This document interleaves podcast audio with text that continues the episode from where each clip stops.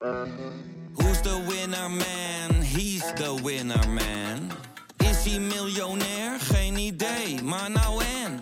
Je hebt geen jackpot nodig to be a winner man. Oh oké, dat is wel lekker man. Het allereerste badje, vele slapeloze nachten en nog veel meer vieze luiers. Genoeg om je druk over te maken in die eerste duizend dagen. Dan wil je je niet ook nog eens druk maken over wat er in je babyproducten zit. Daarom houden wij het clean en simpel bij Naïef. Met zachte verzorging voor de gevoelige babyhuid. Zonder microplastics, minerale oliën en alcohol. Zo zorgen we niet alleen voor je baby, maar ook de wereld die ze hun thuis noemen. For your baby's baby's baby dus. Naïef.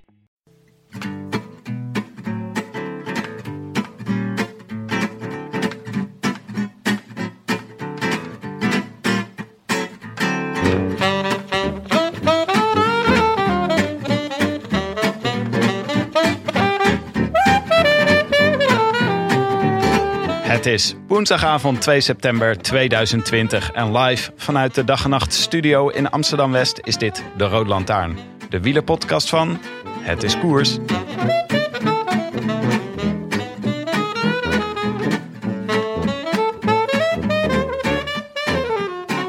Risico's voor Michel en José worden almaar groter. We hadden al corona, maar vooralsnog lijkt de grootste vorm van Wout van Aert het echte gevaar voor de gezondheid van onze geliefde Vlaanderstemmen. Was er gisteren al een stevig verhoogde bloeddruk vanwege zijn bijna full pool bergop richting Orchermerlet? Vandaag raakten we vervaarlijk dicht bij ziekenhuisopname toen hij Cees Notable klopte in de eindsprint. Gelukkig hadden ook zij de rest van de dag lekker rustig aan kunnen doen, want het peloton koos op weg naar Privas voor een collectieve snipperdag. Zelfs Romain Bardet was midkoers toe aan een koersdutje, getuige zijn aanstekelijke gaap. Gelukkig wekte de laatste kilometers als een dubbele espresso-shot, met een peloton in vol galop langs allerhande Frans verkeersregulatiemateriaal. Het treintje van Sunweb zag er indrukwekkend uit, maar de laatste wagon kwam net tekort. Wout van Aert haalde nog even wat bidons, hield Turbo Primos keurig uit de wind, poetste zijn tanden, las hem een verhaaltje voor en wachtte nog even tot hij echt sliep, sloop toen zachtjes naar beneden en won de sprint. Want hé, hey, hij was er toch. Twee op rij voor Jumbo, de eerste voor Van Aert en nog heel veel ijzers in het vuur. Als dat maar goed gaat met Michel en José. Now the sprint opens up. 300 meters to go. Wout van Aert is positioned absolutely perfectly. This is a big lead out. Case Ball, Wout van Aert. It's a drag race. Wout van Aert looking for the victory on the line. Wout van Aert takes stage five. I wish I could be in the south of France. In the south of France, sitting right next to you. Willem, we zijn hier weer met z'n tweeën Ja. en we zijn direct na de etappe. Ja, zonder Jonne. Het voelt een beetje eh, als, eh, als eh, 2016. Toen we net begonnen met de Rode Lantaarn. Toen zaten we altijd bij mij op de bank in Amsterdam-West. Ja, Met huilende baby's en alles. het start-up podcastleven is dat. Ja, precies. Dus gewoon even stil, baby. We, zijn nu, we, gaan nu, we gaan nu net een etappe opnemen. Ja, nee, ja, dit is dat inderdaad. Dat we dat met z'n tweeën zijn. En inderdaad, het is ook al lang geleden dat we zo snel na de etappe een eh, podcast opnemen. De adrenaline zit nog een beetje in mijn lijf, moet ik zeggen. Het is ook wel een soort, voelt, als, voelt lekker als live televisie. Ja, een beetje wel, ja. Maar daardoor weet je ook sommige dingen weet je nog niet. Want het is altijd heel makkelijk om, als je alle reacties terugluistert Mm. na afloop, geeft altijd een goede indruk van wat, wat je hebt gemist, wat je op televisie niet kon zien en wat mensen in het peloton beleefd hebben. Ja, Maar dat kan nu niet, want ze hebben die reacties nog niet gegeven. nee, precies. We is- moeten puur einvoelen en verstehen. Ja, maar dit is dus wat, eh, wa- waarom het dus ook zo ingewikkeld is om aan sporters direct na een wedstrijd te vragen hoe ze het hebben gevonden, zeg maar. Want die hebben dat moment ook nog niet gehad van contemplatie en reflectie. Ja, dan moet je het gewoon eh, even verwerken eerst, voordat je een goede reactie daarop kan geven. Ja. Dus het is misschien ook een soort eh, therapeutische sessie om deze etappe te verwerken. Het is sowieso natuurlijk voor renners op dit moment eh, alleen de etappenwinnaar die zegt wat gelijk met een mondkapje op Mhm. na de race. Maar de rest moet ook even wachten, want de media mag helemaal niet direct achter de finish komen. nee. Zou dat dan de reacties eh, veranderen? Ja, volgens mij mogen, eh, vol- volgens mij mogen dus zeg maar die rennende cameraploegen die je altijd Ja, normaal hebt, die mogen daar niet komen. Dus die moeten langer wachten. Ja, Misschien neemt de kwaliteit van de reacties daardoor wel toe. het zou goed kunnen. Ik hoorde gisteren Tom Dumoulin na afloop van eh, de eerste eh, finish bergop. Dat klonk eh, heel afgewogen. Maar ja, is Tom natuurlijk eigenlijk altijd. Hij zei, eh, vond zichzelf niet zo goed. En toen kwam, eh, Zeeman, Marijn Zeeman, die zei vandaag, jawel joh, hij is wel hartstikke goed. ja, ja, hij finishte gewoon in de eerste groep. Dus ja, als dit zeg maar zijn slechte dag is, dan staat ons nog wat te wachten. Ja, het is mooi hoe je het bekijkt. Dumoulin die denkt gewoon, er komt nog iets aan, dus nu ben ik slecht. En Zeeman denkt, nee, maar dit is hartstikke goed. Nu ben je er, nu ben je op die top. Ja. Hey, ehm, even wat administratie. Ja. Ben je in voor een rondje transfernieuws? Ja, zeker. Er gebeurt veel. Er gebeurt heel veel. Ja, zeker. Nee, ehm, eh, sowieso werd natuurlijk bekend, definitief bekend, dat Annemiek van Vleuten naar, toch naar Mobistar gaat. Dat is toch schitterend. Ja, zoals, zoals eh, door ons aanvankelijk voorspeld en onderuit getrokken door Arjan Zoer. Die eh, zei dat het Sunweb zou worden. Maar het is toch, en later werd nog bekend, was ergens een gerucht dat ze toch had bijgetekend bij Mitchelton. Maar nee, ze kiest voor het avontuur en Movistar. En dus ook de fiets van de show. Ja. Dat is te gek, hè? Ze zit straks op een canyon. Ik denk niet dat ze de kortingscode hoeft te gebruiken. Oh ja, de kortingscode. Daar waren nog vragen over. ja. Zag Zullen we dat even tussendoor doen? Ja, deze de kortingscode is. Uh, er waren wat vragen over dat de kortingscode niet zou werken. Dat doet hij wel, maar hij werkte tot dusver alleen met hoofdletters. Dus hashtag fiets van de show 20 was dan de, uh, was de code. Uh, maar nu werkt hij ook met kleine letters, dus nu maakt het niet meer uit. Maar het is in ieder geval hashtag fiets van de show 20. Ja. Voor gratis verzendkosten en een speciale verrassing bij Canyon. Ja, dus uh, met, die kort, met die kortingscode moet je een fiets kopen. Dat is eigenlijk dat was, dat is het idee van ons. Nou, ik heb echt al heel veel mensen gesproken die een fiets hebben gekocht. Of die ons mailden of die een tweetje stuurden over die kortingscode. Dat is toch, ik vind dat toch iedere keer hartverwarmend. Hoeveel mensen er om een fiets van de show willen fietsen. Ja, maar het zijn ook echt schitterende fietsen. Ja, kan niet anders zeggen. Het is het Astana onder de fietsmerken. Inderdaad, precies dat. Ja, maar goed, rondje transfernieuws, daar waren we natuurlijk mee bezig.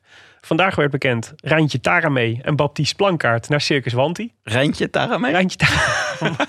Mag ik zeggen? Uh, nou, eerder deze week hadden we natuurlijk het nieuws. Dat was, zat al, hing al een tijdje in de lucht. Maar dat Sunweb afscheid nam van Michael Matthews. Dat was volgens mij net na het opnemen, opnemen van onze vorige podcast werd dat bekend. Maar, um, en werd ook meteen eigenlijk bekend dat zijn contract bij Sunweb ontbonden werd. En dat hij terugging naar Mitchelton Scott. Daar, ik ben ook benieuwd wat daar gebeurd is. Hè? Ja, dat ongelukkige huwelijk is in ieder geval ten einde. Want dat het daar echt uh, rommelde, dat was uh, tussen, die, tussen hem en de ploeg, dat was wel duidelijk. Ja, maar iedereen gaat rommelend weg bij Sunweb op het moment. Ja, het is een beetje een ploeg in uh, disarray, hè? Ja, maar je kan wel zeggen van Spekenbrink, die zegt altijd: wij zijn een opleidingsploeg en dat willen we ook graag blijven. Mm -hmm.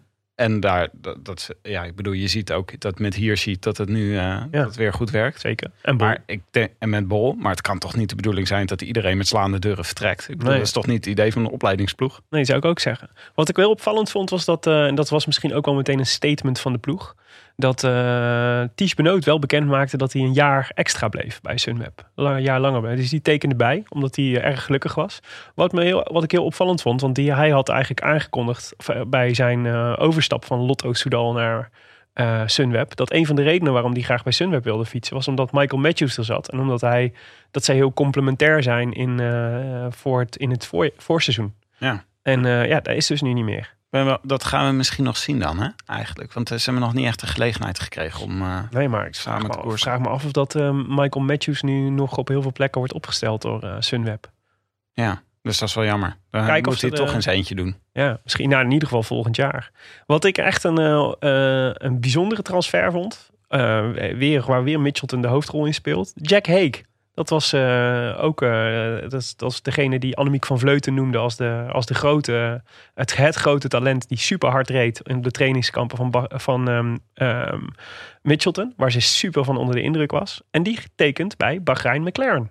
Ja. Ja, Dat is ook een gekke ploeg. Beetje het Inter Milan van de ploegen. Ja, precies. En eh, het gerucht gaat nog steeds dat Jasper Philipsen naar eh Alpecin Phoenix gaat. Wat eh, toch ook een, een grote, nou ja, niet een grote vis, maar wel een hele talentvolle coureur zou zijn. Om voor de ploeg van Van der Poel. Ja. Het verbaast me toch altijd een beetje als Alpecin renners aantrekt. Ik denk gewoon, Ja. Alpecin bestaat voor Mathieu van der Poel. Ja. Maar voor de rest doen ze niks. Maar ja, ze moeten de, re- de rest van de rooster ook vullen. ja, en ze zijn volgens mij heel te druk bezig om langzaam die ploeg naar World Tour, World Tour niveau te tillen.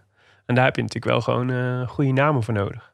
Zo als CCC weggaat, krijgen Mhm. zij dan een licentie? Of, eh, dat- Ja, dat is een beetje de vraag. Dat is, de, volgens mij is nog steeds het idee dat, eh, dat, ehm, dat Manuela Foundation, die eerst Mitchelton Scott zouden overnemen, dat die nog steeds in de running zijn om gewoon de licentie van CCC over te kopen.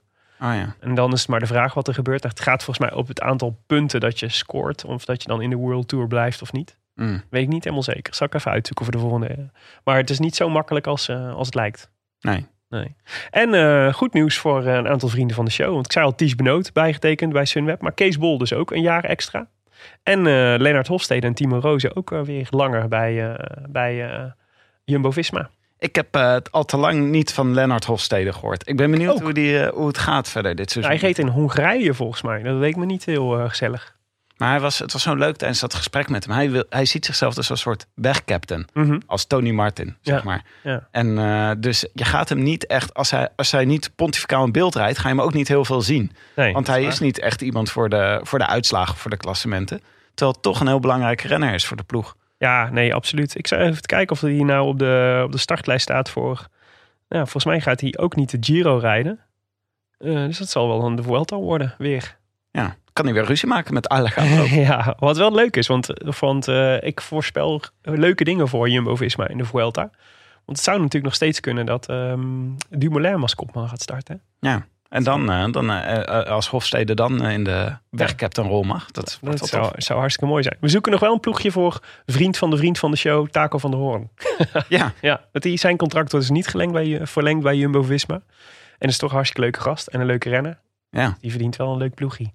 Dat moet toch wel kunnen, zou je zeggen. Zeker, ja, zeker. Kom op, eh, iemand heeft taken van Maar het is, wat er irritant is, dat al die, heel veel van die ploegen allemaal eh, toch al best wel veel vol zitten. Dus het lijkt me best lastig om nog ergens een, eh, ergens een zadeltje te bemachtigen. Het lijkt me leuk als hij een beetje Jetsebol koers kan varen. Dat hij ineens opduikt bij een En Colombia. Col- Colombiaanse ploeg. Ja, het zou mooi zijn. Dus mocht er, Manzana bestaat niet meer helaas. Nee. Ja. maar mocht er andere ploegleiders van Colombiaanse ploegen naar deze podcast luisteren. Taco, Taco van de Hoorn. Taco is wel heel eh, Zuid-Amerikaans. Desnoods wil je ook wel Paco van maken. Paco van der Hoorn. Eh, taco. Taco met kip en rijst. Ehm, rectificaties hadden we ook. Eh, nou ja, meer aanvullingen dan rectificaties. En ook nog leuke aanvullingen. Ten eerste, Jan van Eurosport, op wiens achternaam we niet kwamen, is Jan Hermsen. Oh ja, Onze, onze eh, nou ja, met stip getipte commentator. Als, eh, als, eh, die wel eens een van onze favorieten van dit jaar zou kunnen worden. hij is ook van Telesport. Hij heeft een soort rust over zich. Daar word ik heel blij van. Ja. En hij houdt, eh hij houdt Traxel mooi in toom. Dat vind ik ook leuk. Hij is echt, ik vind hem echt goed. Ed Yang, Yang Liru heet hij op Twitter. Ik hoorde ook eh, dat er veel, eh, de NOS veel kritiek krijgt omdat Herbert Dijkstra er nu niet is. Vind ik wel mooi. Omdat hij er niet is. Ja, dus iedereen de hele tijd boos als Herbert Dijkstra wel is. En nu Ja. iedereen boos omdat hij er niet is. Ja. Ja, Dat is ook wel, zo verhoud ik mij ook tot Herbert Dijkstra eerlijk gezegd.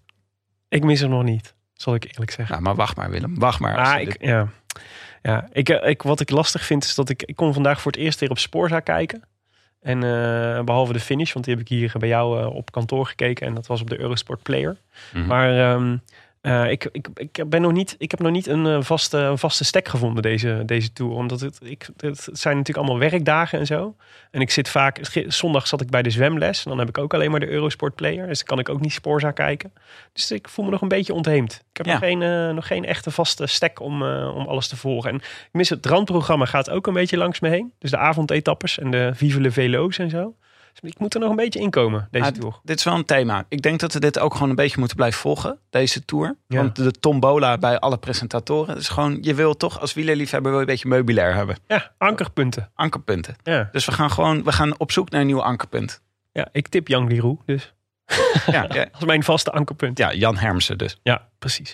Ehm, we hadden ook eh, een mooie aanvulling van Hartge Wassink. Die schreef, eh, beste bankzitters, sta me toe weer een lange e-mail over een totaal irrelevant site-thema te schrijven. Oké, goed begin. Ja. Het ging over Gardener's World in de laatste aflevering. En Tim noemde het abusieflijk Gardening's World, maar Willem zei het wel goed. Het is Gardener's World. Nee, oké, nou goed. Ja. Het programma bestaat niet al 40 jaar, maar al 53 jaar. En sinds het jubileumjaar 2017 wordt het logo daarom in gouden letters weergegeven. Monty Don is super populair. Niet alleen om zijn tuinieren, maar ook omdat hij heel open is over zijn depressies. Niet in het programma zelf overigens, maar in dat programma liepen tijdlang twee golden retrievers rond, waarvan er één, Nigel, echt een vaste co-host was. Zijn honden zijn belangrijk voor hem om met die depressies om te gaan. Ik denk dat veel mensen dat herkennen. Tuinieren en honden helpen om je angsten en donkere gedachten te bezweren. Helaas is dit jaar Nigel overleden. Klopt, dat had ik eigenlijk nog moeten melden. Echt een gemis voor het programma. Hoe dan ook, ik tuin hier nauwelijks. Alleen het grove werk. Heb geen hond, maar ik ben wel een trouwe Gardeners World kijker. Ik word daar heel rustig van na een volle werkweek. Een uurtje naar bloeiende planten kijken en de geruststellende stem van Monty Don erbij. Dat geeft hoop. Ja, maar dat is toch ook precies, Willem? Dat jij, jij zegt toch ook altijd rustgevend is het om Ja. naar te kijken. Ja, ja precies. Een schitterende tuinen, je wel eh, voelen. Joie de vivre. En eh, wat is ook de, de, de- to, to, to have a garden is to believe in a future. Eh, is dat een motto? Ja, ik weet niet wie dit gezegd heeft. Ik denk Einstein. Ja, dat denk ik ook. Mooi citaat. Ergens in 2008.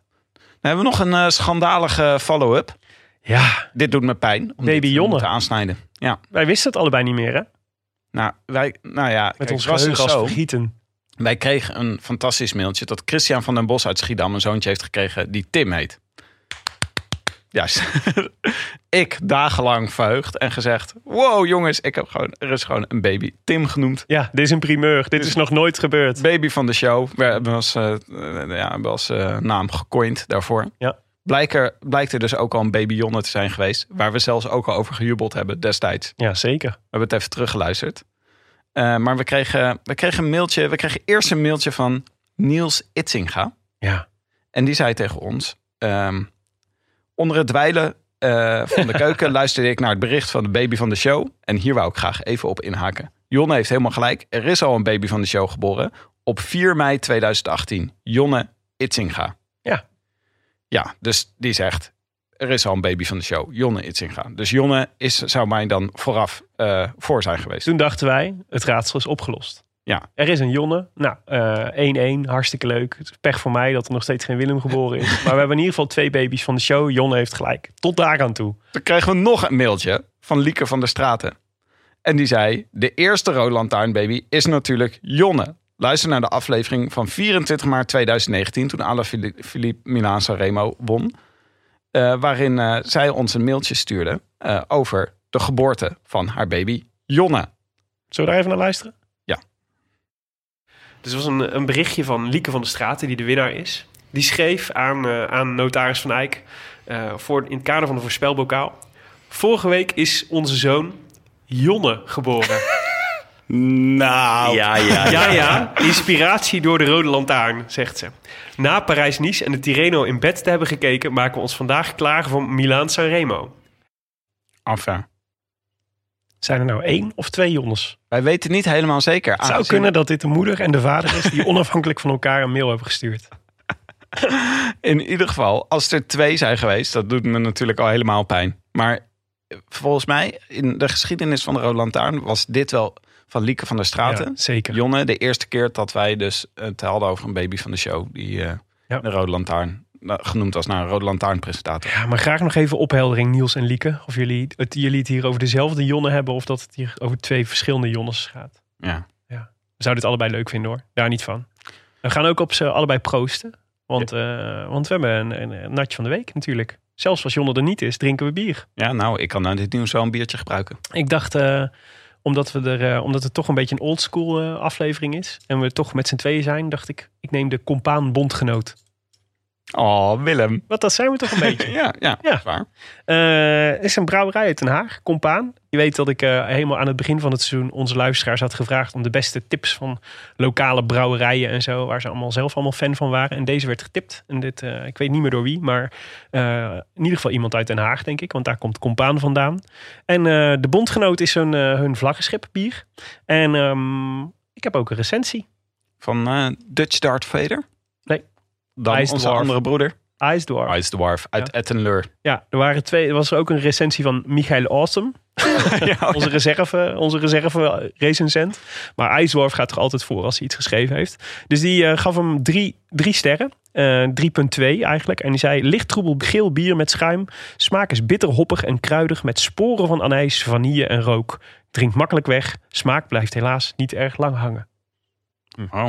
Oké, Nou, maar wel- enthousiast. Ja, maar toch klinkt het wel als een biertje dat ik nu wil drinken. Past goed bij deze dag. Dat smaak blijft helaas niet erg lang hangen. Ik vond dat, dus, ik, dat vind ik fascinerend. Ik had dus laatst eh, toch verteld dat ik... eh, ik was in de Bourgogne geweest. Om te fietsen en, eh, en eh, vakantie te vieren en zo. En daar staat natuurlijk bekend om de witte wijn. Maar nu had ik dus een eh, wijnboertje gevonden. Nou ja, een wijnhuis eigenlijk. Dat levert aan alle Michelin-restaurants ter wereld. Bourgogne wit. En die was een half uur van, van ons huis vandaan. Ik was daar wijn gaan kopen en gaan proeven en zo.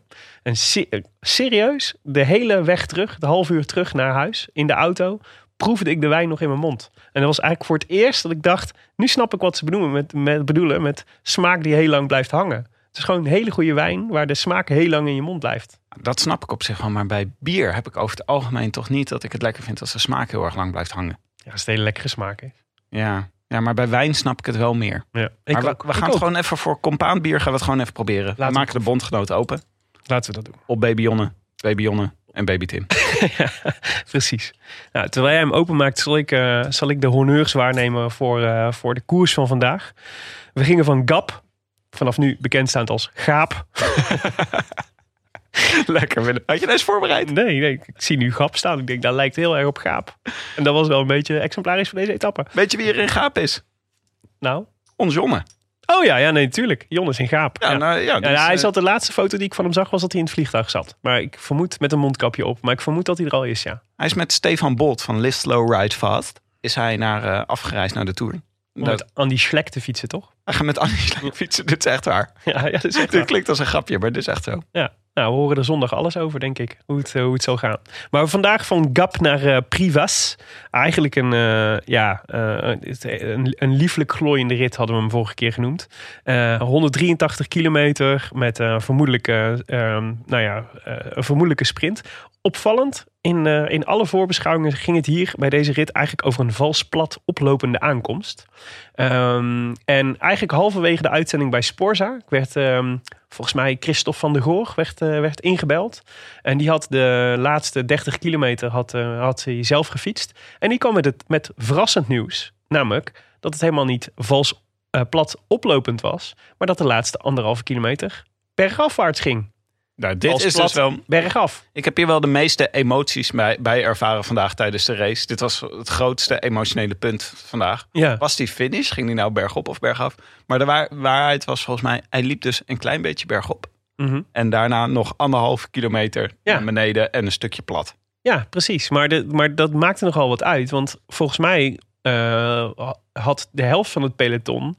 eh, was, had eigenlijk deze rit omcirkeld. De Greg van Avermaats van deze wereld. Als een, eh, als een potentieel interessante eh, doelwit. Vanwege die vals plat oplopende aankomst. Want als het vals plat omhoog loopt... heb je een andere type sprinter die boven komt drijven... dan in een sprint die gaat over pure snelheid. Zoals nu het geval was. En, eh, en, dat is, en dat was eigenlijk, dus dat vond ik eigenlijk fascinerend. Dat, dat, want het bleek ook, dus vervolgens gingen ze kijken in het routeboek. En daar was inderdaad, het, het allerlaatste stukje was anderhalve, anderhalve millimeter van het, eh, van, het, eh, van het getekende parcours, zeg maar. Bleek inderdaad ook bergaf te lopen. Ah, En dat had eigenlijk gewoon niemand gezien, omdat het maar zo'n kort stukje was. En sprintetappes ga je ook niet echt verkennen. Dat is niet echt wat je doet met sprintetappes. Ja, de sprintersploegen wel, denk ik. Maar ik denk dat ze wel, dat ze wel uiteindelijk dan bedenken. eh, ik denk dat het hier heel, erg het gevolg is dat heel veel mensen elkaar natuurlijk gewoon napraten. Wij Of ook. misschien kon het wel niet, omdat vanwege corona Ja. kon je die sprintetappes niet verkennen zoals je normaal zou doen. Mhm. En was daarom je kunt er iedereen zich op het routeboek. Je kunt er gewoon Google Maps kijken tij- tijdens corona. Ja, het was wel mooi. eh, eh, hoe heet ook weer eh, Herman de Scherman bij eh, de NOS. Die had dus ook het parcours bekeken. Ja. En dat was dus eigenlijk bergaf, maar ook heel technisch. Hè? Met een enorme scherpe bocht. En over een rotonde heen. Ja. Prachtige manier hoe ze dat op hadden gelost met de rotonde. Dat was natuurlijk super gevaarlijk. Toen hebben ze voor de Johnny Flodder oplossing gekozen. Namelijk een weg recht over de rotonde heen. Gewoon asfalt overheen gelegd. Zodat, je dan, zodat ze allemaal over die rotonde konden rijden. Ja, want daar was gisteren nog wat, gisteravond nog wat zorgen over. Of dat, eh, of dat het inderdaad 400 meter voor de finish nog een rotonde lag waar ze, Ja. waar ze, waar ze overheen moesten. Ja, en Johnny Flodder reed in Flodder altijd met zijn roze auto gewoon dwars over rotondes heen. Want Ja. deed niet aan rotondes. Mijn moeder nam ze ook altijd, wijlen mijn moeder zaliger, nam ze altijd eh, wat de kortste kant was. dat weet ik nog heel goed. Nee, maar linksom Als ze, oh ja, als ze links af moest, zeg maar. niet. Dan, ja, en er was ruimte, dan ging ze gewoon links af. Dat is super gevaarlijk. Ja, maar ze keek wel of er niks aankwam. Maar dan, ja, zij zei, ja, waarom zou ik heel die rotonde rondrijden?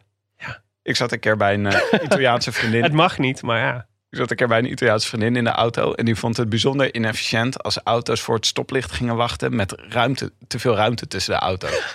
dus dan ging ze gewoon. Dus had je twee stroken en er stonden twee auto's. Dan ging zij er tussenin staan. En toen zei ze: Ja, dat is gewoon efficiënter.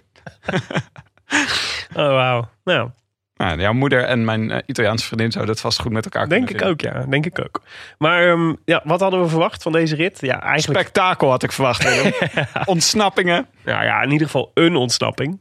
Maar ehm, Dit is toch echt een etappe voor een vroege vlucht. Waar je gewoon met 20 man wegrijdt. En dan blijven er 10 over. En dan. ja, Want er zat nog een, een berg van vierde categorie aan het einde. Twee zelfs. Ja. Ja, kijk, normaal gesproken heb je voor dit soort, eh, voor dit soort etappes heb je dan eh, zeg maar de, de, de, de, de wildcard, wildcard ploegen die een, eh, een vlucht voor de show op, op, op touw zetten. Zeg maar de Vital Concepts en zo en de, Ja. en de Direct Energies. Die dan, ehm, of ja, wat is het? Total Energie tegenwoordig. Ja. Die, dan, die dan gewoon drie man naar voren sturen. En dan, die moeten het dan maar uitvechten. En die rijden dan 100 kilometer op kop. En dan worden ze 30 kilometer voor de meet gepakt. Ik denk dat ze het gewoon echt niet geloofden allemaal. Dat ze gewoon dachten, dit is krachtenverspilling. Ze Ja, kansloos. ze Ja. hebben misschien, of ze hebben het misschien wel toevallig allemaal niet opgeschreven. Want er deed ook gewoon niemand een poging om weg te rijden. Nee, ja, er was een foppoging van eh, de Gent en de Klerk. Ja, maar die doen dat was vaak. een soort grapje. Ja. Maar ja, het is eigenlijk best wel raar. Want het werd heel lang, je had best wel veel publiciteit kunnen halen ook, weet je wel. Want de regie had ook op een gegeven moment, wist ook van gekkigheid niet meer wat ze in beeld moesten nemen. Ik heb die gaap van Bardet wel twintig keer gezien. Ja, maar het was ook heel, het was echt een raar gezicht. Want dus op die berg van die vierde categorie ging dan Costanfoy ging eh, voor de bergtrui rijden. Mhm, mhm. En dan ging ook niemand tegen hem rijden. Nee. Ging gewoon ook nog niet eens iemand de moeite. Tot- Weet je, een hele, hele, peloton. Ja, Ja, ja. hele peloton bij elkaar mocht hij gewoon wegrijden en de punten oprapen. Ja, fascinerend hè. Maar ik vind het ook, wat ik altijd leuk vind, is dat, of wat ik grappig vind, is dat, dat die renners die dan op de eerste rij van het peloton rijden, zich toch altijd kunnen beheersen om niet, ik zou mezelf niet kunnen beheersen om dat dan niet alsnog zo even een paar trappen te doen en dan toch gewoon de, de, de tweede plek te pakken. Ja, van de, voor de bergtrui. ja, maar ze hebben, op een of andere manier hebben de renners op de eerste rij altijd zoveel zelfbeheersing dat ze dat dan niet doen. Of, zo. of, is het, of denk je dat het, dat het gewoon heel, dat het heel cool is om niet, om niet punten te pakken terwijl het wel had gekund? Ik zou wel wat vaker weer zo'n cameraatje of zo'n ge- geluidsopname willen horen van het peloton. Want ik heb toen bij die documentaire van eh, David Miller. Ja. Daar kon, hadden ze dus, hoorde je het geluid uit het peloton. En dan hoor je dat ze ook de hele tijd naar elkaar roepen. Als dan iemand probeert weg te rijden. Soms besluiten de eh wegcaptains van de ploegen besluiten dat er niemand weg mag rijden. Gaan ze gewoon allemaal blokkeren vooraan. En dan hoor je ook, hey, hey, hey, hier, hier blijven. En dat, misschien hoor je dat ook. Want wij horen alleen maar het geluid van de helikopter de hele tijd. Ja. Dus wij horen niet wat ze tegen elkaar zeggen. Maar misschien is het wel gewoon van, nee, laat hem gaan. Ja, alleen. We moeten de komende dagen overigens wel opletten op het geluid van de helikopter. Want het kan Jonne zijn, hè? Want Jonne gaat ook in een helikopter over het peloton vliegen. Oh ja, dus, maar dat kunnen we, je denkt dat, dat we aan de helikopter kunnen horen of Jon erin zit. Eh, nou, hij is- Amsterdamse hij- accentje. Hij is wel luidruchtig. Lijkt me. ah, ik vond de, de, de, de, deze, deze rit gaat natuurlijk de, de geschiedenisboeken in als eh, de rit waarin Van Aert alle, alles, al het werk opknapte voor Jumbo-Visma en daarna alsnog de, de massasprint won. Maar de zin van Sporza toen de wedstrijdleiding het licht op groen zette, toonde geen enkele levende ziel interesse in een dagje aan het front. dat was het. Dat is denk ik hoe we, wel, hoe we, de- hoe we, de- hoe we deze beschrijving wel gaan beginnen. Nou, maar er zijn wel een paar dingen waar ik het de even over grote hebben. encyclopedie van de Tour. Want ehm, Sagan, Ja. Sagan, je kan er niks meer van. Ja. Heb ik geschreven. Een stukje dichter mezelf aangesproken. Dat is knap. Het rijmt dus. Rijdt gewoon, Het, het rijmt dus, is poëzie. is zo. Die is gewoon, rijdt niet meer in het groen. Nee, Het Bennett het heeft hem overgenomen, toch? In december 1978 was de laatste keer dat Sagan niet in het groen reed. Ja, wij hebben het denk ik allebei nog nooit echt le- le- in levende lijven meegemaakt. Ik kan gewoon, ik, Sagan gewoon in een Bora-shirt ziet er gewoon heel raar uit. Ja, net, net als Bob Jungels die niet de Luxemburgse kampioentrui aan heeft. Ik ben iedere keer in verwarring. Of, eh of Pogacar zonder witte trui. Ja. Ja, dat is gewoon... dat Nee, Sam. Bennett rijdt nu in het groen. Ja. Ja, het is... eh goh, Sagan heeft het nog niet, deze Tour. Maar Sam Bennett verrast me ook wel. Want ik zag Bennett altijd als iemand die gewoon keihard kon aankomen. Ja. En niet als zo'n Sagan-achtige Ja. eh, dynamische sprinter voor een groene trui. Ja. Maar die rijdt dus nu in het groen.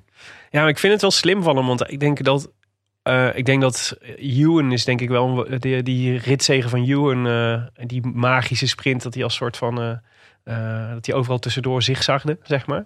En de, de, de overmacht die daaruit sprak. Ik denk dat het bij Bennett wel ook een eh, belletje heeft doen rinkelen dat hij misschien ook voor andere doelen of een ander doel moet kiezen dan alleen etappe-overwinningen.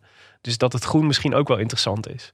En, eh, want eigenlijk is het natuurlijk best wel dom om je krachten te verspillen in zo'n zo'n tussensprint voor groen. Als je eigenlijk je oog hebt gericht op de massasprint aan het einde van de rit. Ja. Maar kennelijk, ja, dat is- ja, nou ja, kennelijk vindt hij die groen toch ook wel een mooi doel. Maar kunnen we al iets meer zeggen over Sagan dan het wilde gerucht wat de hele tijd gaat dat hij en zijn vrouw uit elkaar zijn gegaan?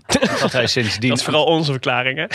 dat hij sindsdien aan het feest is. Nee, dat, maar dat wordt, eh, dat wordt heel vaak over hem gezegd. Mhm. Terwijl iedereen die gewoon tv aan het kijken is, zegt dat hij is opgehouden met eh, creatieve middelen. Mhm. Maar wat is hier nou aan de hand? Want Sagan is toch gewoon. Ik vind ook. Hij, is, hij kijkt zelfs, vind ik, als je naar de slow motion eh, kijkt van een sprint, Mhm. dan gaat hij op eh 10 meter van de finish gaat hij een beetje gedeprimeerd en verveeld zitten kijken. En dan laat hij zich uitrijden. Ja. Ja, ik denk dat het heel veel. Dat, ik denk dat bij hem heel veel in de motivatie zit, inderdaad. Dus dat, dat, je daar eerder, dat je daar echt de verklaringen moet zoeken. Dus hij, heeft natuurlijk, hij is natuurlijk jarenlang echt aan de top geweest. Alles echt zoveel gewonnen en voortdurend, voort, en voortdurend gewonnen ook. Dat ik me best kan voorstellen dat het op een gegeven moment lastig is om dan nog. Ja, wat, hij is drie keer wereldkampioen geweest. Weet je wel, een paar grote klassiekers gewonnen. Wat blijft er dan nog aan de, de groene trui jaar na jaar in de Tour de France? Wat blijft er dan op een gegeven moment nog aan doelen over voor zo iemand om dan om echt voor te trainen en gemotiveerd voor te zijn, behalve gewoon een zak geld die je krijgt elk jaar om je kunstje te doen, zeg maar. En misschien is dat wel een beetje het, het, probleem van Sagan, is dat hij, dat, hij, eh, dat hij een echt nieuw fijn doel mist in zijn leven. En dat dat net het verschil maakt tussen of hij echt super top is en onverslaanbaar is, of zoals nu nog steeds met de top meedraait, maar gewoon net niet meer het verschil kan maken. Mis wel gewoon een beetje Kwiatkowski en Sagan en zo. Dat is gewoon een soort generatie die je gewoon die een Ja. beetje mist. Ja, Kwiatkowski is volgens mij einde contract bij Ineos. En ik, volgens mij heeft hij nog niet bijgetekend. Dus de hoop is natuurlijk dat eh Michael gewoon eh, bevrijd wordt en ergens anders kan gaan rijden. Bij Sunweb, Bijvoorbeeld. dat zou Die hebben, zijn. eh, die hebben wel geld over als Matthews weg is. Of zouden ze dat allemaal een geven? Ik hoop het voor hem. ik hoop het ook inderdaad voor hem. Ja. Maar het was, eh, nou ja, Bennett. Ik vind wel Bennett leuk in een groene trui. Dus dat ben ik wel benieuwd naar hoe dat verder gaat. Ja, zeker. Ja, en ehm, ja, ja ik, wat, ehm, wat vond je van de, van de sprint van, eh, van eh, Van Aert? Ja, dit, het was wel, nou, dat was geweldig eigenlijk. Ik, wat ik er heel erg leuk aan vond, was dat de sprinttrein van Sunweb heel erg goed werkte. Ja, We hebben natuurlijk een keer uitgebreid met curvers gepraat over zij, hoe, zij trainen op eh sprinttreinen en zo. Het is leuk om terug te luisteren. We hebben dus een aflevering, een interview met Roy Curvers gemaakt, ja. twee jaar geleden. Een van de, misschien wel, volgens mij de best beluisterde special die we ooit hebben gemaakt. Ja, het was een heel leuk gesprek. En het ging dus ook over hoe Sunweb de sprinttrein heeft geperfectioneerd in de tijd van dat ze Argos Shimano waren. Ja, met juist. tegenkolp en kittel en zo. En nu, dit was ook weer een indrukwekkende sprinttrein voor eh Cees eh, Notable. Ja, hij noemde toen Kees Bol ook al hè, als, eh, als eh, de nieuwe man die, die het wel zou kan, kunnen gaan doen voor, voor Sunweb in de sprint. Ja, ze deden het heel goed en, al een paar keer. Dus het, zijn, het is eigenlijk de enige ploeg die echt een volledige sprinttrein iedere keer in die massasprint krijgt. Ehm, maar ze missen de eindsnelheid. Dus de, de lanceersnelheid voor Kees Bol lijkt telkens net iets te laag. Dus volgens mij is of Nieuwhuis of Niklas Arndt. Een van die twee is de, is de, is de laatste man. Ik, het verschilt een beetje. Volgens mij is, zou het eigenlijk Arndt moeten zijn. Maar is het een paar keer Nieuwhuis geweest. Omdat eh Arndt gevallen is en niet helemaal, fit, niet helemaal fit was nog.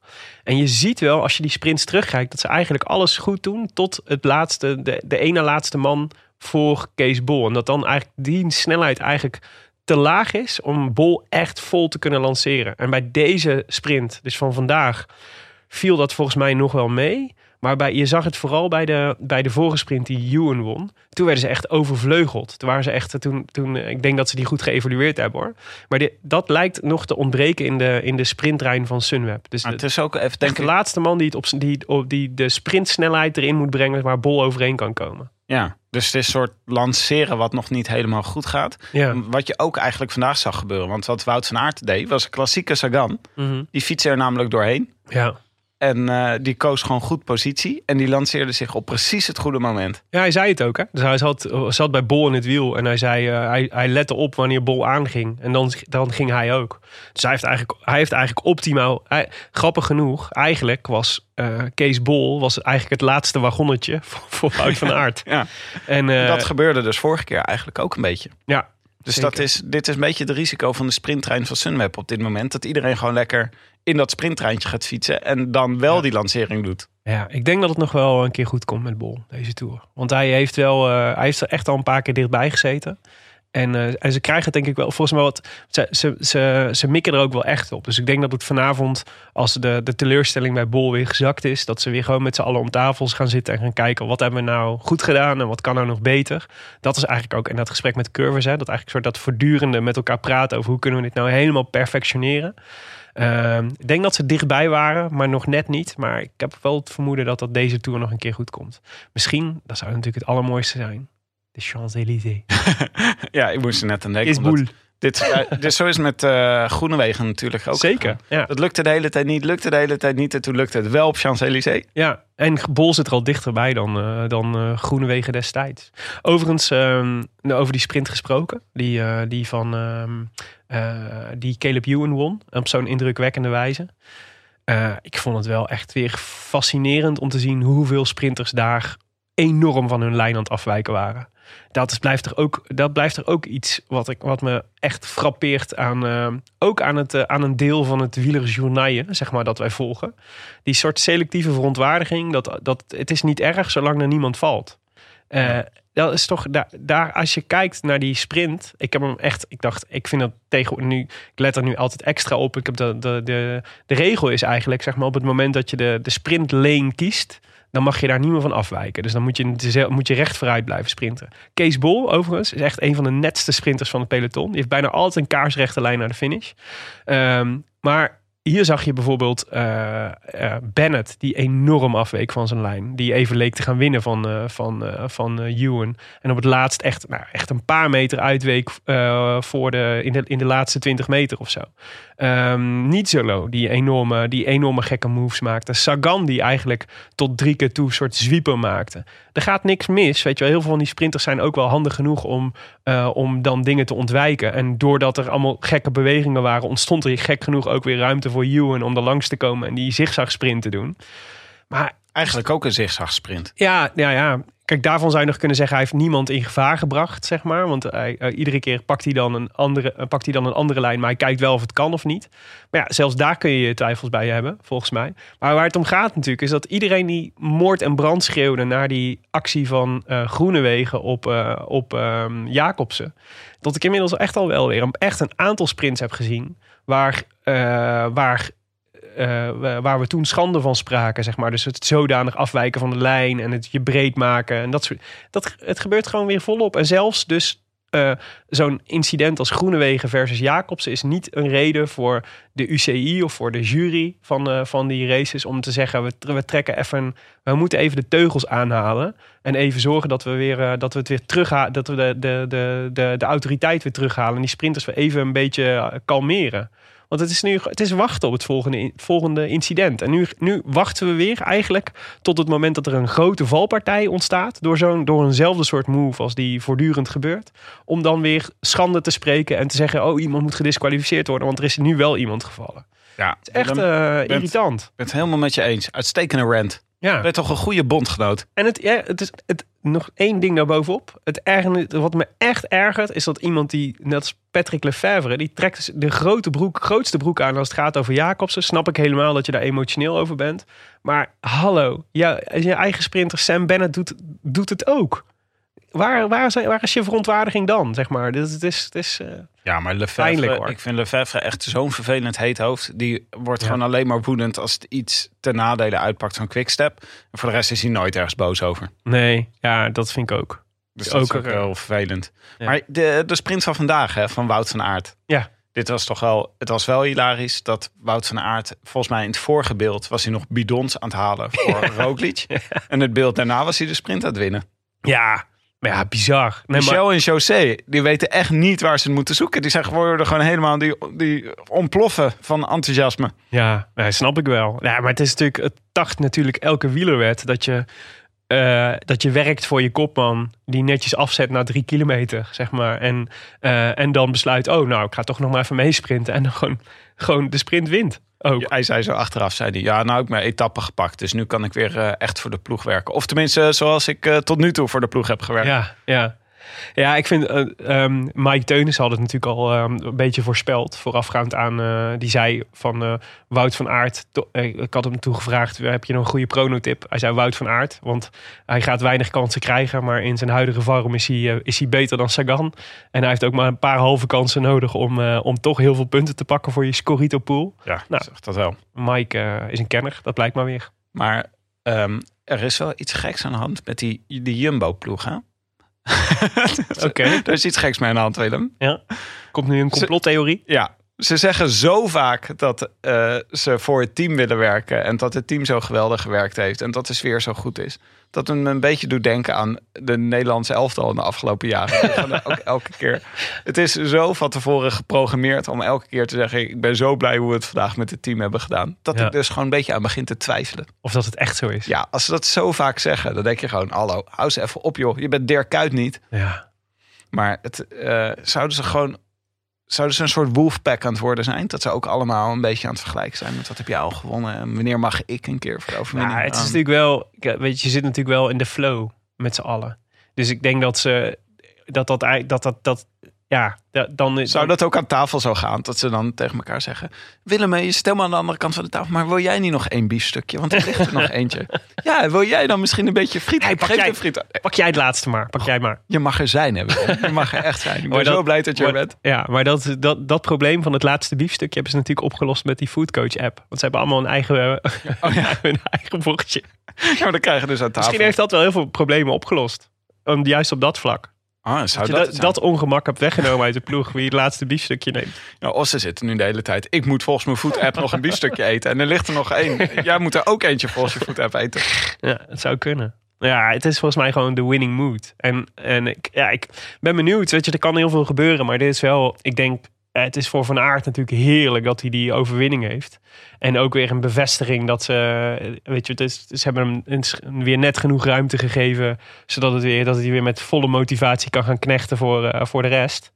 En Ja, maar hij reed ook bergen op gisteren. Zo goed. ja, ja Gewoon op een berg.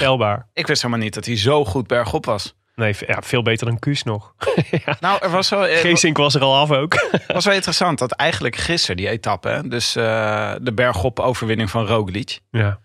deed Jumbo volgens mij alles goed wat je moest doen tijdens zo'n eh, tijdens zo'n beklimming. Ze waren Mhm. dominant. Ja. Eh, ze reden echt iedereen aan gort. Ze lanceerden Roglic op precies het goede moment. Ja.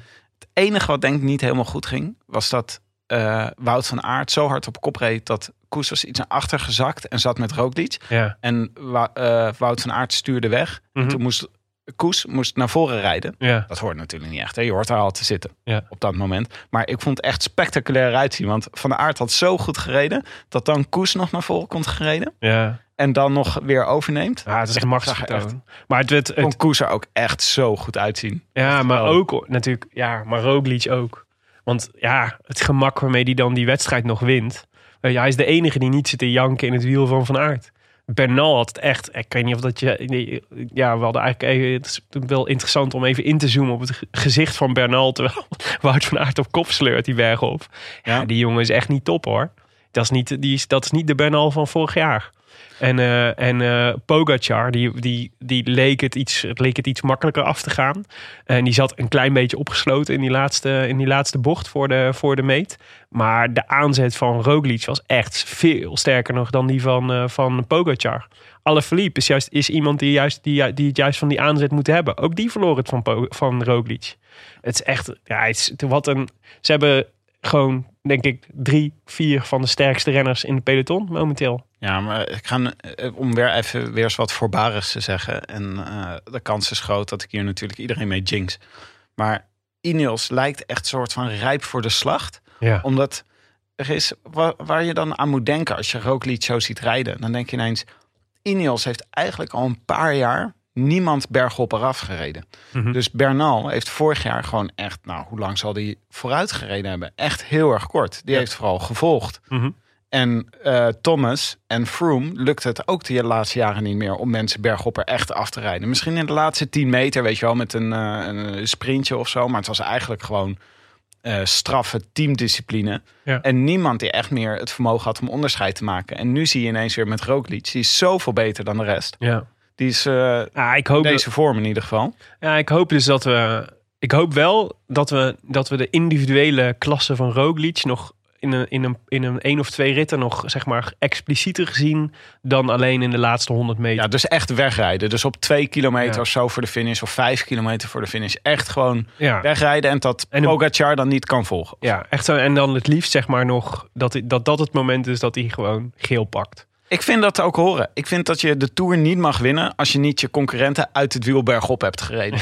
niet beslissen in een tijdrit... en dan voor de rest de hele tijd informatie naar boven rijden. Je Ja. moet gewoon dat verschil hebben gemaakt. Nee, maar dat zou leuk zijn. Dus het zou, het zou ik wel echt de tour, deze tour gunnen en ons als kijker ook heel erg gunnen.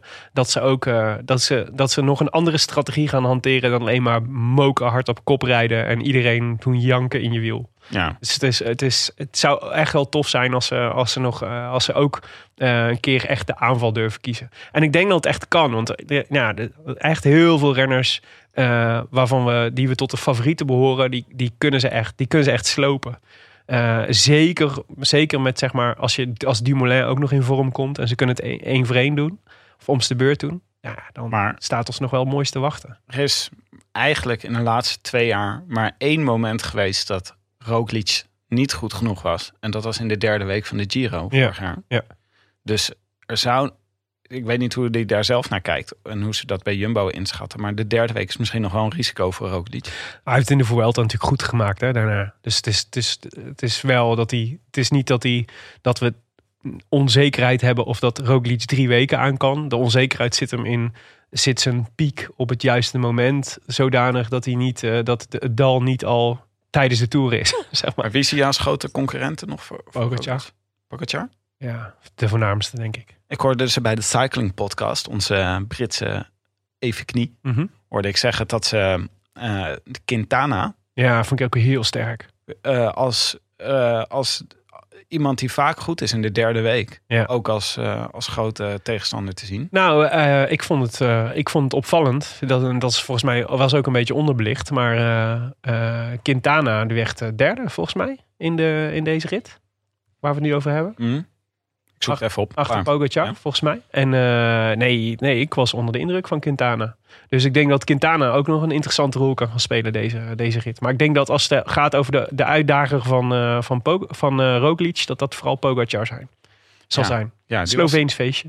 ja, en ik dacht eigenlijk dat hij dit seizoen nog niet zo heel goed was. Maar hij was nu weer eh, Ja, ja ongelooflijk. zeker. Hey, de uitslag van vandaag nog eventjes. Oh, ik wil nog heel even vragen wat je vat. Had je het gevoel dat Ineos hier probeerde in een soort met tegenwind? Ineens zagen we Bernal op kop rijden vandaag. Had je het Ehm, gevoel dat ze iets probeerden? Nou, volgens mij probeerden ze vooral gewoon eh, veilig te zijn. Veilig te zitten. Dus, eh dus eh, Jumbo... Quintana was vierde trouwens gisteren. Oh, vierde. Ja. Guillaume Martin. Ah ja, dat is waar. Ja, dat is die, dat, dat, we, props voor Guillaume Martin, die als enige nog de eh, adem had om aan te vallen na dat verschroeiende tempo van Van Aert. Ja. Hij, probeerde het, hij probeerde het echt. Dat is respect daarvoor. Ja. Maar, eh, en nog meer respect dat je daarna nog gewoon derde wordt. Terwijl je aanval geneutraliseerd wordt. Dus de Ja. tweede adem eh, was goed. Maar ja, maar Quintana vierde vond ik ook indrukwekkend. Ah ja, ik, had het gevoel dat Ineos vooral eh, eh, dacht... we moeten veilig zitten hier in een, moeilijke, in een moeilijke fase van de, van de race.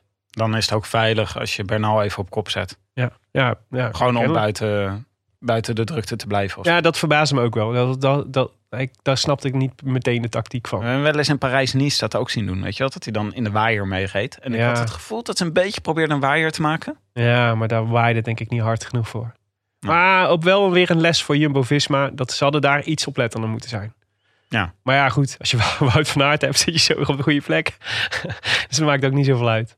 Oké. Hey, ehm, overigens, eh, volgtip. Eh, de, Na- de Nairo Quintana fanclub op Twitter. Volg jij ook, denk ik? Ja, Nairo, Nairo account. Green.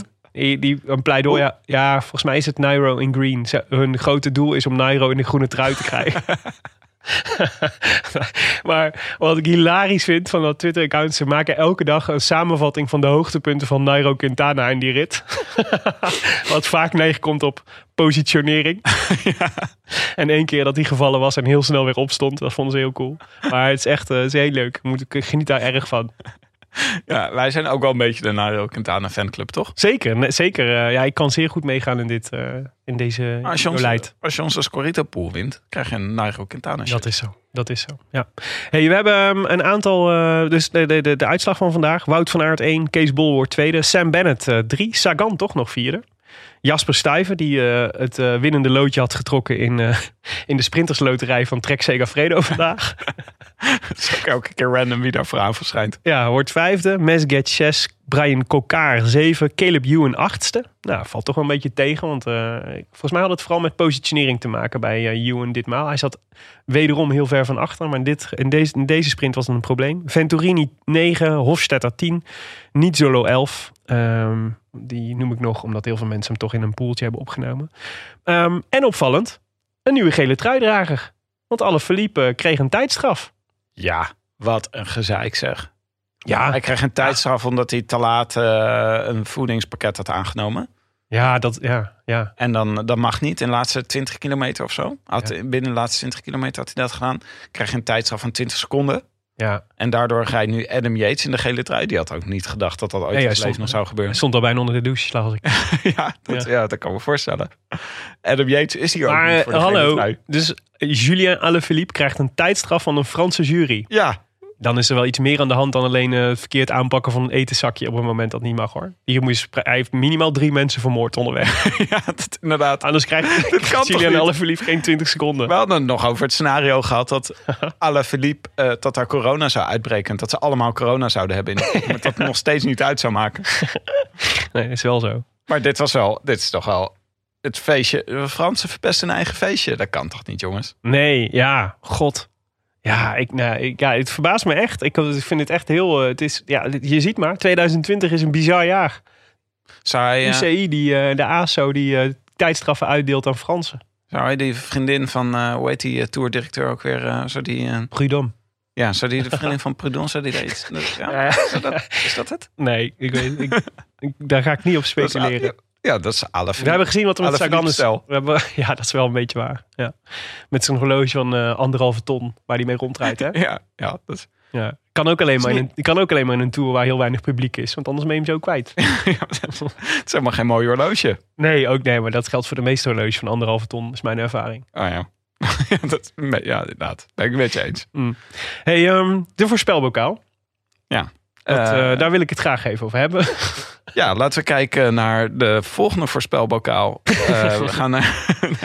Jonge Serizo had Peter Sagan voorspeld. Die, die zei dit wordt de wederopstanding van Peter Sagan. Helaas, Peter Sagan werd vierde.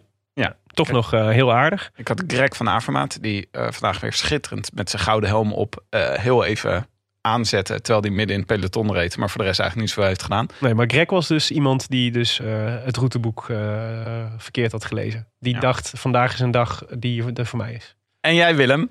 Wout van Aert. Pam, pam, pam, pam, pam, pam. Ja, misschien moet je de uitzending van vorige week even terugluisteren. En dan hoor je precies de theorie waarin hij eh, gaat winnen. Die precies overeenkomt met wat er vandaag gebeurd is. Dus hij wint de sprint, was de theorie. Nee, hij mag, hij mag voor het eerst mag hij, eh, mag hij, eh, los. Moet, eh, doet keurig zijn werk en, en wint dan de sprint. 1-0. Ah ja. Ja. Ah, mooi. Gefeliciteerd Willem. Goed gedaan. 1-0. Je had ook wel wat goed te maken hoor. Want in Ik had al een elk tijdje geen voorspelbokaal gewonnen. Bungel jij echt stijf onderaan. Ja, dat is waar. Maar ik, die Scorito, jongen. de- ook, dus ik zei, hadden net over de randprogrammering van de Tour... die nog niet helemaal in mijn systeem zit. Datzelfde geldt eigenlijk voor eh, de dagelijkse opdracht... om eh, een ploeg in te vullen voor Scorito. Dat is ook, daar heb ik ook al nog moeite mee. Dus ik heb nu een terugkerende taak op mijn dagelijkse to-do-lijst staan... Scorito om een team. Scorito-pool in, in te vullen. Ik heb een tip voor jou Willem. Wat dan? Ik heb al voor de hele tour de ploegen ingevuld. Ja. En dan hoef ik alleen nog maar een beetje te schuiven. Maar als je het dan een keer vergeet, dan is, het Is er zo- niet meteen een man overboord? Nee. Nee, dat is waar. Ja, is Ja. Een stukje, stukje vooruitdenken. je hebt gelijk. Ik zal, er, ik zal er beter op letten. Maar ehm, ja, god, weet je, dus in elk poeltje ga ik slecht, maar ik heb wel de voorspelbokaal gewonnen. Ja, klasse. Heel goed gedaan Willem. Ik kan me niet meer heugen wat de laatste keer was dat ik de voorspelbokaal heb gewonnen. Dus dat is goed. Er hadden natuurlijk ook eh Roland luisteraars eh, Wout van Aert voorspeld. Want het is natuurlijk eh, de man in vorm. Ruben Oosterwouder had, de man, had Wout van Aert. Kevin Vedder 1992. Hidde Rorda. Anne Kuipers. Sjoerd de Rover. Toon. Den Dimi. Willem van Ewijk. En Floris DB. Oh, daar ben ik er nog een paar vergeten. Lisanne. Rob. Prak. En Joey van Aken. En Franse Vries. En Jezus, wat een hoop mensen. ja, ik noem ze gewoon allemaal even. Zo voelt het helemaal niet meer zo knap van mij. Nee, eh, dit waren ze. Oké. En eh, ja, laten we eentje... eh Sjoerd erover. Sjoerd erover. Sjoerd erover. Ja, die is de, de notaris. Dit heeft allemaal zeer volgens de wet plaatsgevonden. Sjoerd erover mag in de volgende uitzending de groetjes doen. Ja. We hadden nog groetjes te goed, toch? Van de vorige keer. Ja, die hebben we nog niet binnen. Dan moet Josephine, Ja. C. Die had hem vorige keer goed. Die moeten ze even insturen. Ja, herhaalde oproep. Ja, want eh, ik, we mogen volgens privacywetgeving mogen we niet zomaar Josephine zelf benaderen om, eh, om de goedjes te doen. Dus dan moet, even, dat moet ze even doen. Ja. Dus als iemand Josephine C kent, vraag of ze in godsnaam de goedjes wil doen. Trek haar aan haar jasje. En net als Sjoerd erover. Ja. Goed, het is ook wel veelzeggend dat ze het eh, niet na de vorige uitzending niet gewoon van zichzelf heeft gedaan. Want dat betekent dat ze waarschijnlijk niet geluisterd heeft. Anders had, ze wel, had haar hart wel een sprongetje gemaakt van vreugde. En had ze daarna subiet in de pen geklommen om ons groetjes te sturen. Of ze is aan het bedenken wie ze goedjes gaat doen. Ja, La- la- eh, ik wilde ook nog even kijken naar eh Scorito. De Mhm. leiding is inmiddels daar gegrepen door Roy Elegans. oh, Roy de Lantaarn, goeie naam. dat is zijn naam. Hij is een echte puntensprokkelaar, dat vind ik wel mooi. Want ehm, hij heeft bijvoorbeeld naast sprinters Caleb Ewan en Sam Bennett... die de meeste mensen ook wel hebben... pakt hij veel punten met Trentin, Nizzolo, Cees Notable en Kokkaar. Mhm. Ik bedoel, je het in godsnaam in je hoofd om Kokkaar te selecteren? Maar hij heeft Ja. er veel punten al meegepakt. Ja, we hebben toch gewoon weer zevende vandaag. En, en in de bergen ook bijvoorbeeld Quintana en Chavez. Mm. Chavez is ook, eh, verrassend. Ja, pakt ook aardig wat punten. Ja. Dus eh, dit gaan we even goed in de gaten houden. En ik eh, ben wel benieuwd. Ik denk dat de dagen des onderscheids nog moeten komen. Ook voor de Scorito-poeltjes. Ja. Talking of which, eh, de nieuwe voorspelbokaal gaat over de etappe van aankomende zondag. Van Po naar Laroen. Eh 154 km call van vierde, van derde, van derde en van twee van eerste categorie. Sorry. Eén van vierde, twee van eerste en twee van derde categorie. Dus eh, eh, best wat, eh, wat klimmen Ehm, in de Pyreneeën. Finish in het dal, weliswaar. Ehm, en wordt een interessante rit. Dus die, dat is de volgende voorspelbokaal voor aankomende zondag. Maar ja, 20 kilometer nog in het dal rijden. Dat vind Ja. ik toch altijd zo ingewikkeld. Er zitten wel allemaal bergen maar dan kan er echt alles gebeuren. Het is zo. Dus het, weet je, het kan eh, weer net als vandaag dat ze gewoon weer met z'n allen bij elkaar Ja. blijven. Dat lijkt me stug hoor. Als die eerste Ja, het voelt heel erg als een etappe voor, eh, voor, een, voor een groepje vluchters. Ja, ja, maar dat is het allermoeilijkste om te voorspellen, vind ik. Wie heb jij? Is het? Ehm Ties Benoot. Je Ja. boy Ties. Dat zou best wel eens kunnen. Ehm, hij eh, maakte weliswaar een flinke smakker eh gisteren. Toen hij eh, in een afdaling van de vangrail schoot. Maar toen deed hij vlak daarna een duimpje. Geen schade, zei hij. Dat was heel goed. Hij gaf ook een begrip dat het zijn eigen stomme fout was. Omdat hij te snel op het wiel van Niels Polite wilde zitten in de, in de afdaling. Eh, maar gaf ook daarbij aan dat, het eigenlijk, eh, dat hij het jammer vond. Want dat het eigenlijk zijn beste dag in de Tour was. Hij had weinig vertrouwen in die ontsnapping. Omdat ze te dicht bij het, dat het peloton ze niet liet gaan. Eh, maar hij voelde zich beter worden. En ik eh, denk dat hij die lijn door gaat trekken. En dat we hem aanstaande zondag wederom in de kopgroep zullen zien. En dat hij dan met de zegen gaat strijken. Jonne gelooft dat de favorieten eh, het uit gaan maken. En heeft Pogacar opgeschreven. Mhm. Zou ook wel eens kunnen hoor. Want die eerste categorie, hè, die Col de Marie Blanc, Ja. 7 kilometer. Die, zit, eh, die is vrij stijl. En die zit niet zo heel ver voor de finish. Dus het zou best wel eens kunnen dat er onderscheid gemaakt gaat worden. Maar ik weet het niet. Maar iemand die ook voor etappe-overwinningen gaat. En toekomstig, toekomstig ploeggenoot van Ties Benoot. Is eh, Bardet. Als hij wakker is tegen die tijd. Romain Bardet. Ja, dat- ja, maar hij zegt van ja, niemand kan die, eh, die eh, klasseringen van mij herinneren van de laatste jaren. Omdat ik elke keer vierde en vijfde Ja, word. Dat is waar. Ja, dat vond ik heel leuk. Ja. Dus die gaat, eh, dit is, dat zou, die zou goed mee kunnen. Ja, zou ik leuk vinden. Maar zou die achter Benoot aanrijden al als, eh als toekomstig ploeggenoot? Is lekker samen. Ja, dat zou leuk zijn. Ik, dat, daar zie ik naar uit. Dat Bardet Ja. en Benoot samen in de kopgroep zitten. En dan kijken wat er gebeurt. Ga ik je heel de tijd woedende appjes sturen als Bardet iets doet. Ja, dat- ik ben nu in de winning mood. Iedereen kan meedoen natuurlijk via de roodlantaarnpodcast.nl. Zo is het. Ehm, nou. Tim, mag jij afkondigen bij gebrek aan Jonne? Ja, dit was het. De Rode Lantaarn, gepresenteerd door uw favoriete bankzitters Willem Dudok en mijzelf Tim de Gier. Vandaag zonder Jonne Seriese, want die zit in Frankrijk. Ik hoop dat het hem eh, goed gaat. Dat hij morgen veel plezier heeft in de helikopter. Veel dank aan onze sponsors Scorito en Canyon. Denk aan de kortingscode hashtag fiets van de show 20 voor gratis verzendkosten en een verrassing. Ja, ook op de gravelfiets nu. Dat moest, ik, dat moest ik nog specifiek benoemen. Dat was volgens mij ook nog niet. Oh, je kan ook Maar die hebben we toegevoegd, eh, toegevoegd aan het assortiment. Heb je, weet je wat ik zag? Ze hebben dus nu ook, ze hebben en, eh, en eh, zeg maar volgens mij concurrenten voor de Van Moofs en zo ge- geïntroduceerd. Gewoon zeg maar straatfietsen. En ze hebben ook elektrische gravelbikes met een motortje erin. Oh, dat is leuk voor Cancellara. Ja, Eh, deze kortingscode is geldig tot op de finishlijn van de Champs-Élysées. Daarna gaat hij gewoon echt uit met de knop. Mhm. Dus daarvoor moet je hem bestellen. Dank ook aan de vrienden van de show. Waaronder bijvoorbeeld Michiel Graat, Peter Bos, Wouter van Wouter de Hoon, L2V2P, Mhm. catchy, ja het is een soort robot uit Star Wars. Inderdaad. En Mart van der Slot. Wij zijn jullie zeer dankbaar. En wil je dit schitterende peloton van inmiddels 435 vrienden vergezellen? Browse dan naar de roodlantaarnpodcast.nl en ziehen Sie Ihre brieftasje eruit. Dat is Duits. ja, dank. Willem, ik vind jou zo creatief, hè? Echt hè? Zo goed. Ik ben echt benieuwd. Ik ben heel, goed, ik ben heel goed met Google Translate. Dus we kunnen dit nog 191 keer ongeveer doen. Ja, en het is iedere keer spannend welke taal we nu weer hebben gekozen. Het is een beetje als, eh kijk jij TikTok vroeger in je peutertijd? Zeker. Dat zat er altijd zeg Trouwvolger. maar, schaapjes, schaapjes, schaapjes. En dan heel af en toe was er een aflevering waar die eindigde met het hondje. Ja. Nou, dat is een beetje dit gevoel. Je weet nooit wat je krijgt. Oh, dus dit... Hoe, ja, oké. Misschien kan je zo de metafoor even uitleggen. Ehm, ja, als je ons steunt, dan wordt het voor ons makkelijker om mooie nieuwe shows te maken. Zoals deze. En die van zondag. En die van de woensdag erop. Want we zijn er vaak op het moment. En eh, tot eh, diep in november. De Rode Lantaarn wordt verder mede mogelijk gemaakt door Dag en Nacht Media en Het is Koers.nl. De wielerblog van Nederland en Vlaanderen. Wij danken hen voor de steun op vele fronten. En in het bijzonder Bastiaan Kajaar, Maarten Visser, Leon Geuyen en nota- notaris Bas van Eyck. Tevens gediplomeerd brandweerman te Maden. Willem, is er nog nieuws uit Maden? Ja, er is altijd nieuws uit Maden. wat, eh, wat ik heel opvallend vind, is vaak zijn er, er zijn dagen dat er niks gebeurt. Soms zelfs weken dat er niks gebeurt. En dan zijn, is er in één keer een dag waarop het melding na melding regent op de kazerne. Dat is, dat, dat is toch fascinerend. Er zijn dagen die kennelijk meer vatbaar zijn voor alarm dan andere. 23 augustus. Ik had het er in de vorige show al Zou de brandweer gewoon niet zeven dagen per week werken? Oh, ja, dat ze gewoon alleen af en toe... Of dat ze gewoon bepaalde meldingen op, op een bepaalde... Gewoon even een paar dagen laten liggen. Ja, afgelopen dinsdag was er een melding. We gaan er op donderdag. Maar donderdag, nou, dinsdag werken wij niet, dus het moet donderdag. Ja, nee, dus 23 augustus. Als je goed hebt opgelet in de vorige aflevering, dan weet je nog dat dat de geboortedag van mijn oma Zaliger is.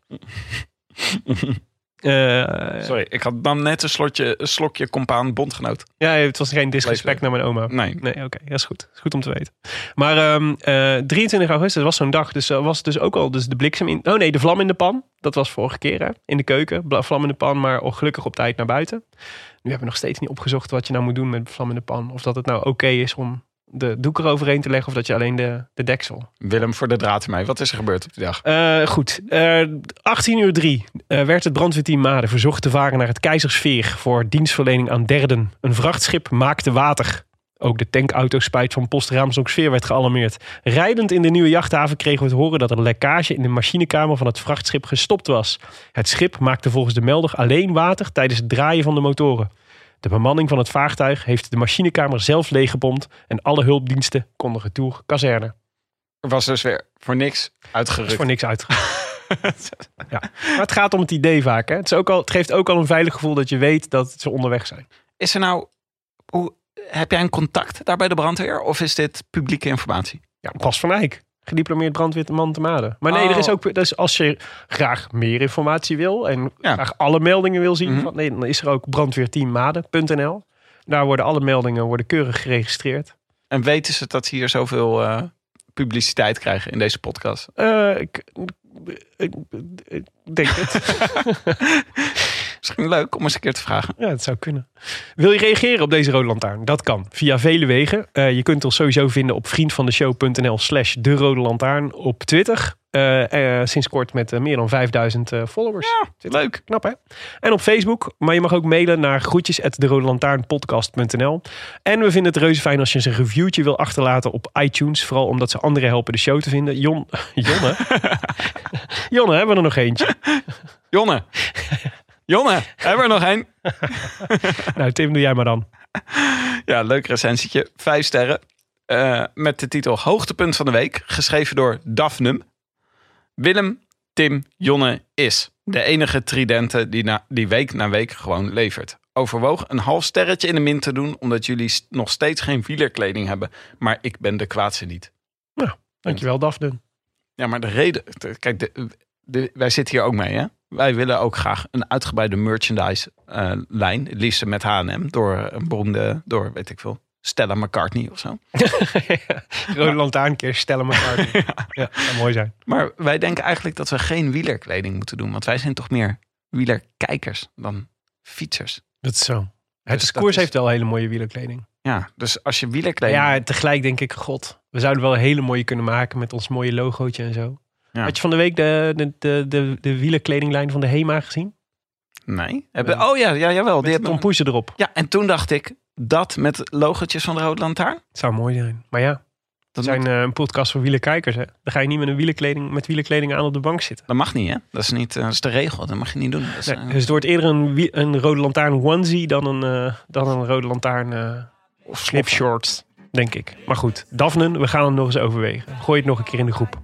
Wij zijn er eh, aankomende zondag weer. Veel plezier met de komende etappes. Er staat weer wat moois op het programma. Vergeet niet te voorspellen op de voorspelbokaal. En eh a biento. A biento. I wish I could be in the south of France. In the south of France, sitting right next to you.